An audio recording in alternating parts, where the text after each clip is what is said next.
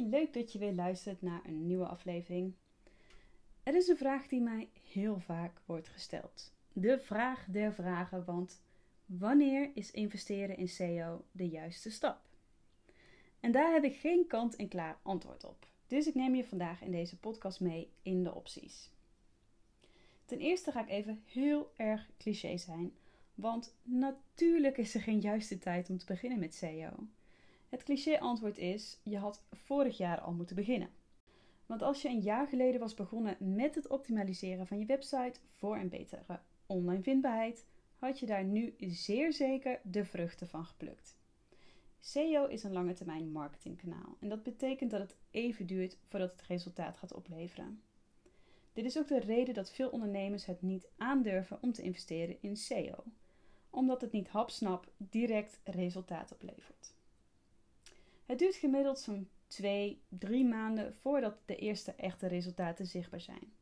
Maar dit is afhankelijk van de hoeveelheid concurrentie die je hebt, want bij veel concurrentie kan het ook 6 maanden of zelfs een jaar duren. Het verschilt echt per zoekwoord. Mocht je benieuwd zijn hoeveel concurrentie je hebt, dan raad ik je aan om aflevering 3 nog even terug te luisteren.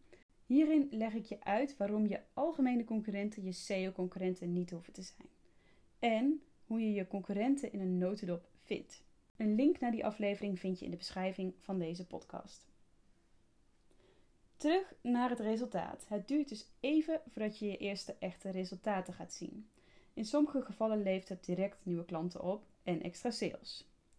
Zit je in een branche met veel concurrenten, dan is het wat lastiger en duurt het wat langer.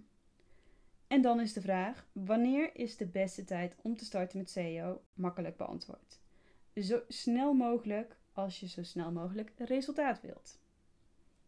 Maar één ding is zeker: als je nooit begint aan SEO, zul je ook nooit resultaat gaan boeken. En ik begrijp heel goed dat investeren in een vorm van marketing waar je moet wachten tot het resultaat er is, niet je eerste keuze heeft. Want je bent gaan ondernemen omdat je geld wil verdienen en zo snel mogelijk. Maar vergis je niet door alleen te investeren in korte termijn marketing. Want korte termijn marketingkanalen zoals Instagram, Facebook, uh, TikTok, uh, adverteren kosten veel meer tijd en moeite. Deze kanalen vragen continu om aandacht, om nieuwe content, interactie, video's. En we adverteren een flinke bak geld. En dat is ook niet per se heel aantrekkelijk. Nu begrijp ik dat je aanwezig moet zijn op social media. En dat doe ik zelf ook. Want in deze tijd is het een must om jezelf op alle kanalen te laten zien waar je doelgroep zich kan bevinden. Aanwezig zijn is iets heel anders dan strategisch te werk gaan. Mocht je aan de slag willen met SEO, dan is aanwezig zijn niet voldoende. Als je resultaat wilt boeken, moet je er echt voor gaan. En nee, dat hoeft echt niet heel veel tijd te kosten. Maar ik raad je wel aan om heel doelgericht aan de slag te gaan met je SEO. Want door sporadisch een blogje te publiceren op je website gaat het niet lukken. Wat je dan wel zou moeten doen?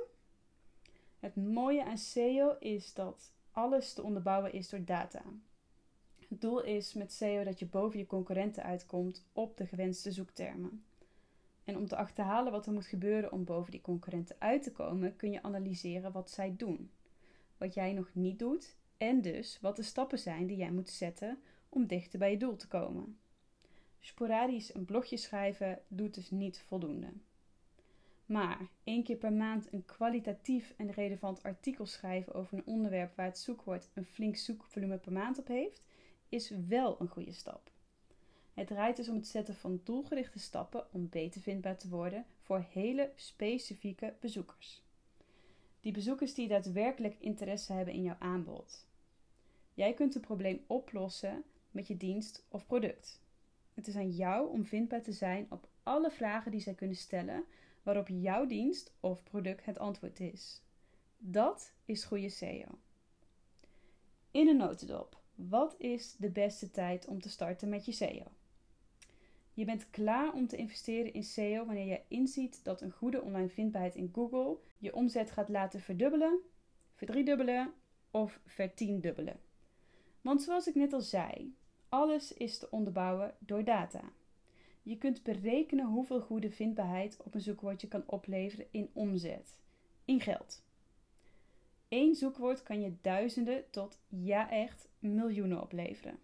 In mijn vorige podcastaflevering vertel ik je met welk zoekwoord ik jaren geleden 80% van mijn omzet behaalde.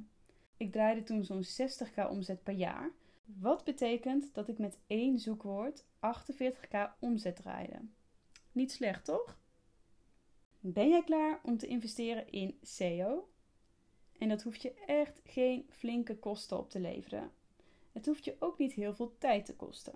Mijn aanbod varieert van het volledig ontzorgen van je SEO tot een do-it-yourself SEO-cursus waarmee je het volledig zelf kunt oppakken, of een hybride variant, de SEO Kickstarter. Mocht je benieuwd zijn welke optie het beste bij jou past, dan spreek ik je heel graag tijdens een gratis kennismakingsgesprek. Deze kun je boeken via een link in de beschrijving van deze podcast. En dat was hem weer voor vandaag. Bedankt voor het luisteren en tot de volgende!